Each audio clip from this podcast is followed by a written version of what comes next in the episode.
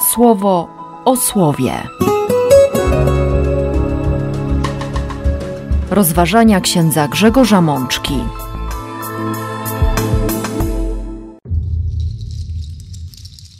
Trzecia niedziela zwykła, rok C. Z księgi Nehemiasza. Nehemiasz oraz kapłan Ezdrasz, pisarz, a także lewici, którzy ułatwiali ludowi rozumne słuchanie, mówili ludowi: Ten dzień jest poświęcony Panu, naszemu Bogu. Nie smućcie się i nie płaczcie. Lud bowiem płakał, gdy słuchał słów prawa. Z Psalmu 19. Prawo Pana bez skazy. Ono odwodzi ludzi od błędów. Każda wypowiedź Pana godna wiary. Ona uczy dzieci mądrości. Pierwszego listu do Koryntian. Otóż wy jesteście ciałem Chrystusa, a wszyscy z osobna członkami. Z Ewangelii według świętego Łukasza. Po zwinięciu księgi oddał ją słudze i usiadł. Oczy wszystkich w synagodze były z uwagą wpatrzone w niego. A on tak zaczął do nich mówić: Dziś w waszych uszach spełniło się to pismo. Siostry i bracia, przed nami szczególna niedziela. Niedziela Słowa Bożego. Tak ją ogłosił papież Franciszek trzy lata temu. I chcemy iść za myślą papieża, otwierając Pismo Święte. Ta niedziela jest okazją, byśmy spotkali Boga w Jego Słowie, byśmy zobaczyli Słowo. Myślę, że wielu z Was kojarzy czasy średniowieczne, kiedy większość ludzi nie potrafiła ani czytać, ani pisać. I dlatego właśnie ci, którzy budowali kościoły, którzy budowali katedry, zdobywali się na to, żeby biblijne historie opowiedzieć językiem obrazów, rzeźb, witraży. My wiemy, że wiara zaczyna się od słuchania, ale, ale jest przed słuchaniem coś jeszcze. Jest obraz. Najpierw dociera do nas obraz, światło, potem dźwięk. Oczywiście nie chodzi o jakieś szczególne, wyjątkowe objawienie, choć niestety dzisiaj wielu również ludzi kościoła, albo inaczej ludzi w kościele, idzie za tym tokiem myślenia. Mam objawienie, mam poznanie, doświadczyłem, Pan mi powiedział, i w związku z tym sytuacja Kościoła wygląda tak, sytuacja na świecie jest taka. Ja teraz wiem i ja teraz wszystkim to objawię, tak jak mi to zostało objawione. Pismo Święte ucina te spekulacje i mocno ogranicza tym, którzy słuchają Słowa Bożego, takie drogi myślenia. Objawienie zostało zakończone. Nic więcej już się nie wydarzy. Nie musimy widzieć nic więcej. Wystarczy, że rozpoznamy to, co zostało ukryte między literami Biblii. Jeden z e, ważnych teologów, Henri de Lubac, e, kiedy komentował konstytucję soborową Dei Verbum, powiedział tak: Choć objawienie biblijne jest istotnie objawieniem słowa, jest jednak nie tylko tym. Teofanie Starego Testamentu sugerują nam, że ponad słowami jest jeszcze wizja, a cała Biblia jest wręcz przepełniona tęsknotą i pragnieniem ujrzenia Boga. Chciałbym, siostry i bracia, żebyśmy dzisiaj przyjrzeli się tym czterem słowom, no właśnie, przyjrzeli się, zobaczyli te cztery słowa w kontekście myśli tego wielkiego teologa. Najpierw księga Nehemiasza. Myślę, że kojarzymy czasy Nehemiasza, czasy Ezdrasza. To jest ten moment, w którym Izrael wrócił z wygnania, mniej więcej pięć wieków przed narodzeniem Chrystusa. To są czasy króla perskiego Artaxerxesa. Izraelici wrócili do ojczyzny. Nastąpiło odrodzenie społeczno-religijne. I te dwie księgi, zarówno Nehemiasza, który jest namiestnikiem, jak i Ezdrasza, który jest kapłanem, koncentrują się na trzech tematach.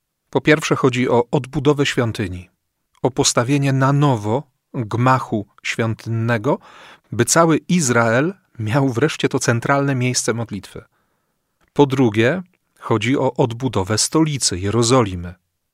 Miasto okalające świątynię, Jeruszalaim, miasto pokoju, miejsce pokoju, Chodzi i o odbudowę murów, które mają bronić tego miasta, jak i poszczególnych domów, bo wcześniejsze najazdy i tak naprawdę całe lata niewoli, grabieży zniszczyły to miasto. I trzecią rzeczą, trzecim tematem, którym zajmują się i Nehemiasz, i Ezdrasz, jest temat odnalezienia i przyjęcia na nowo Bożego prawa, Tory. Kiedy czyta się zarówno Nehemiasza, jak i Ezdrasza, to widać tę ogromną miłość, miłość do świątyni, miłość do słowa, Bożego Słowa i miłość do liturgii. Wydaje się, że obydwie księgi są świadectwem narodzin jakby nowego ludu. Pokazują nowy początek, nowe stworzenie, nowy lud wybrany. Co jest charakterystyczne dla tego ludu, w przeciwieństwie do wcześniejszych tekstów i czasów królewskich, Ezechiasza, Jozjasza, to nie namiestnik Nehemiasz, czy, czy kapłan Ezdrasz lub inni lewici wzywają ludzi do tego, żeby, żeby posłuchali słów Boga. Sytuacja jest odwrotna. To ludzie przychodzą i mówią: My chcemy poznać prawo, chcemy usłyszeć to, co mówi Bóg. Mamy w sobie ten głód, mamy w sobie tę ogromną tęsknotę. Oni wszyscy przyszli na plac przed bramą wodną i wymusili lekturę Bożego Słowa. Tak sobie pomyślałem o naszych czasach, o nas, którzy przychodzimy na liturgię, którzy stajemy we wspólnocie Kościoła, choćby w niedzielę. Jak często można zauważyć to niecierpliwe zerkanie na zegarek. Kiedy wreszcie się to wszystko skończy? Bo przecież tyle różnych rzeczy jeszcze trzeba zrobić. Kiedy przeczytamy cały ósmy rozdział Księgi Nehemiasza, to zobaczymy, że kapłan Ezdrasz czyta Księgę Bożego Prawa od rana do południa i nikt się tam nie nudzi, nikt nie popędza, nikt się nie spieszy. Wszyscy milczą, są skupieni, słychać głos Ezdrasza i potem głosy Lewitów, którzy wyjaśniają tekst, ponieważ Księga Prawa jest spisana w języku hebrajskim a ci, którzy słuchają, posługują się przede wszystkim językiem aramejskim. Dlatego właśnie potrzeba tłumaczenia, wyjaśniania na bieżąco. Ten tekst zresztą jest świadectwem powstawania tzw. Tak tradycji targumicznej, kiedy do oryginalnego tekstu dołącza się jeszcze wyjaśnienie, tłumaczenie. Tak skonstruowane są tak zwane targumy. O nich trochę więcej mówiłem w jednym z e, odcinków e, Ludzi Boga, bo opowiadając o historii Abrahama, bardzo często posługuje się targumami tłumaczonymi na język polski. O tym również mówi nam mocno Sobór Watykański II, który nakazuje głoszenie homilii, czyli wyjaśnianie Bożego Słowa, przynajmniej w każdą niedzielę i święto nakazane. A jeszcze lepiej, kiedy kapłani w naszych parafiach mają odwagę codziennego głoszenia homilii, komentarzy, choćby krótkich, kilkuminutowych, do Bożego Słowa. Aby ci, którzy przychodzą na Eucharystię, wychodzili z konkretną świadomością tego, co Bóg powiedział. I oczywiście możemy zastanawiać się, jak powinny wyglądać homilie, o co w nich chodzi. Przepisy liturgiczne i nauczanie Kościoła pokazuje to bardzo jasno. Szczególnie adhortacja apostolska papieża Franciszka, która tłumaczy po kolei, na czym ma polegać homilia i o co w niej chodzi, by treść komentarza nie zaburzyła przebiegu liturgii. Żeby przypadkiem nie zostało przejaskrawione to, co ksiądz chce powiedzieć wiernym, i by nie został na to położony o wiele większy akcent niż na całe wydarzenie zbawcze, którym jest e, liturgia Eucharystii. Ale wróćmy do księgi Nehemiasza. Ludzie słuchają z uwagą, nie spieszą się. Wydaje się, że, że są oni jak, jak wędrowcy, którzy dotarli do źródła wody. Wiedzą już, że są u siebie, ale potrzebują słowa pocieszenia, potrzebują otuchy, potrzebują umocnienia. I tym dla nich jest prawo Boże. Tym dla nich jest Tora. Warto sobie zadać dzisiaj pytanie, z jakim przekonaniem, z jakim nastawieniem przychodzę na Eucharystię i w jaki sposób słucham tego, co jest czytane, co jest ogłoszone jako Słowo Boże. bo przecież przynajmniej dwa razy słyszymy w niedzielę oto słowo Boże, a po Ewangelii dodatkowo oto słowo Pańskie. Jak reagujemy? Czy to jest słowo, na które naprawdę zwracamy uwagę? Czy to jest słowo, którego chcemy słuchać? Jakie znaczenie ma dla nas fakt, że słyszymy to, co mówi Bóg? Że możemy to oglądać naszymi oczami, zobaczyć słowo i zobaczyć, że to słowo ma konkretne przełożenie na nasze życie. To, co się dzieje potem, w ciągu kolejnych dni, w całym tygodniu, kiedy mamy szansę przepracować liturgię słowa, nasze spotkanie z Bogiem. Bo Bóg będzie wracał do tego, co powiedział. Będzie o tym przypominał przez wydarzenia, przez sytuacje, przez ludzi, których spotykamy. Zobaczmy reakcję tych, którzy właśnie tamtego dnia słuchali słów pisma. Lud płakał. Lud płakał, gdy słuchał słów prawa. Zobaczyli, jak, jak bardzo ich życie nie przystaje do tego, co, co Bóg powiedział. A z drugiej strony to też były łzy szczęścia. Wreszcie się do nas odezwał, wreszcie możemy go słyszeć, wreszcie rozumiemy to, co do nas mówi. Dlatego autor księgi Nehemiasza napisze, że zarówno Nehemiasz, jak i Ezdrasz i Lewici, którzy ułatwiali ludowi rozumne słuchanie, mówili: Ten dzień jest poświęcony Panu naszemu Bogu, to jest święto. Świętem jest móc słuchać Słowa Bożego. Świętujemy, kiedy otwieramy Biblię, kiedy spotykamy Boga w Jego Słowie. Myślę, że wielu z Was ma ten zwyczaj, że zanim otworzy Biblię, to ją ucałuje. I po lekturze Słowa Bożego również złoży pocałunek na kartach pisma. Bo to jest spotkanie miłości. Ono jest szansą, by kochać, by nauczyć się kochać, by poznać miłość.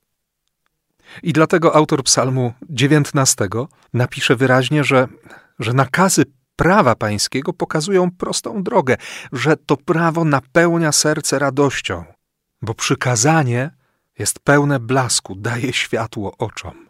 Tak, to jest radość. Radość ze spotkania, radość z możliwości bycia bliżej.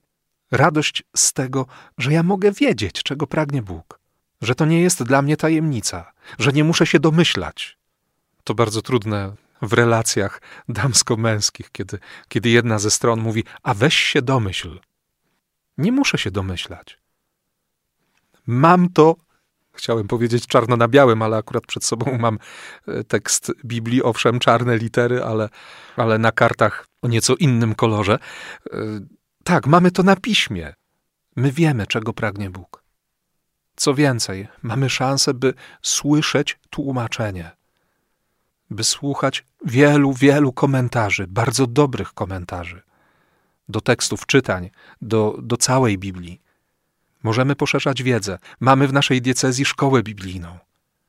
Ciągle otwierają się coraz to nowe perspektywy i nowe możliwości, by poznać Słowo Boga, by wejść z tym Słowem w relacje. Papież Benedykt XVI mówił bardzo jasno, bardzo precyzyjnie: Słowo jest osobą. Słowo Boże jest osobą. Dlatego spotkanie ze Słowem daje możliwość, daje szansę budowania relacji. I dlatego słowo, które słyszymy, jest tak ważne dla całej wspólnoty Kościoła. Owszem, my często spieramy się, zastanawiamy, jakie znaczenia mają poszczególne słowa.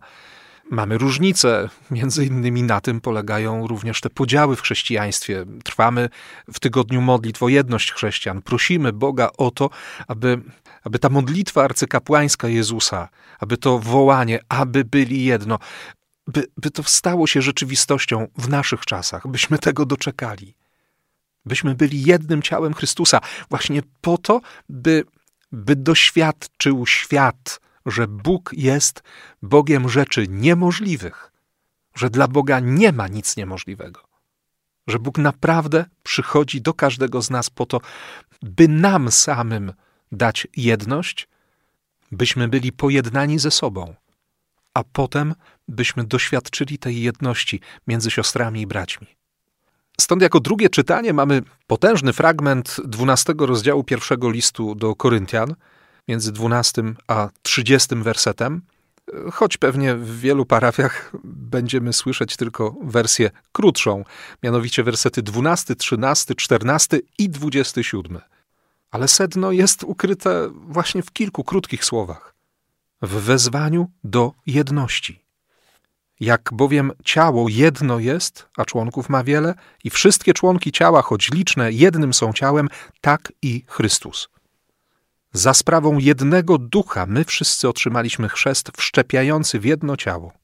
Otóż wy jesteście ciałem Chrystusa, a wszyscy z osobna członkami. Ciało Chrystusa, Kościół jest różnorodny, jest wieloraki, ale jest spajany jedną miłością i rozpoznaje tchnienie jednego ducha. I co więcej, nie może być gdzieś indziej niż jego głowa, czyli niż Chrystus. Ta droga, którą przeszedł Chrystus, jest również drogą Kościoła. I nie ma się co dziwić, że jesteśmy wytykani palcami wtedy, kiedy na to nie zasługujemy. Oczywiście mam to teraz na myśli, bo są sytuacje, w których zasłużyliśmy sobie z kretesem, by nas wytykano, by nam nie wierzono. Ale przecież znamy doskonale te momenty, te sytuacje, również w naszej codzienności, kiedy deklaracja wiary Niekoniecznie stanie ze sztandarem. Tak, jestem chrześcijaninem, jestem katolikiem, jestem wierzący. Zwyczajność życia w posłuszeństwie Bożym przykazaniom, w posłuszeństwie nauce Chrystusa często wywołuje uśmiech drwiący, czasami lekceważący, niekiedy pogardliwy.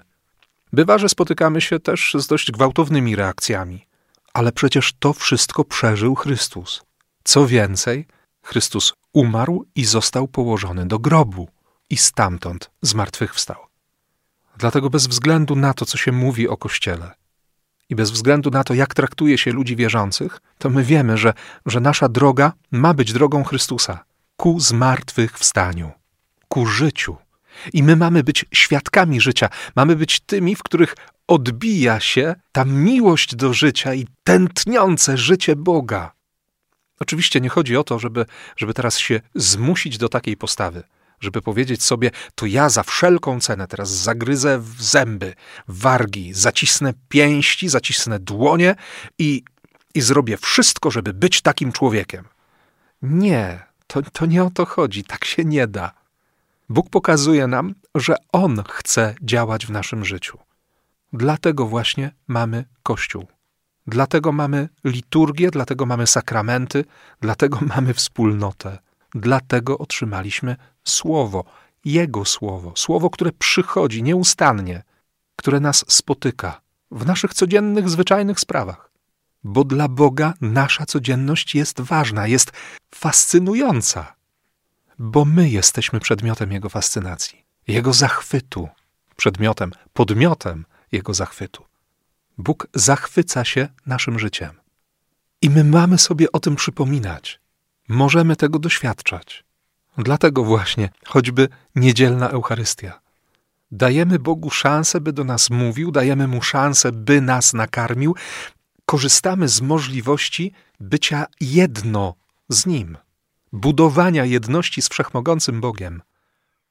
Tego świadectwo daje nam dzisiaj Jezus w Ewangelii w redakcji świętego Łukasza. Ta dzisiejsza perykopa ewangeliczna została skonstruowana z dwóch fragmentów. Pierwszych czterech wersetów pierwszego rozdziału, kiedy święty Łukasz wyjaśnia, do kogo pisze, dlaczego pisze i o czym chce napisać, a następnie momentalnie wchodzimy do synagogi w Nazarecie, to jest czwarty rozdział Ewangelii Łukasza, werset czternasty.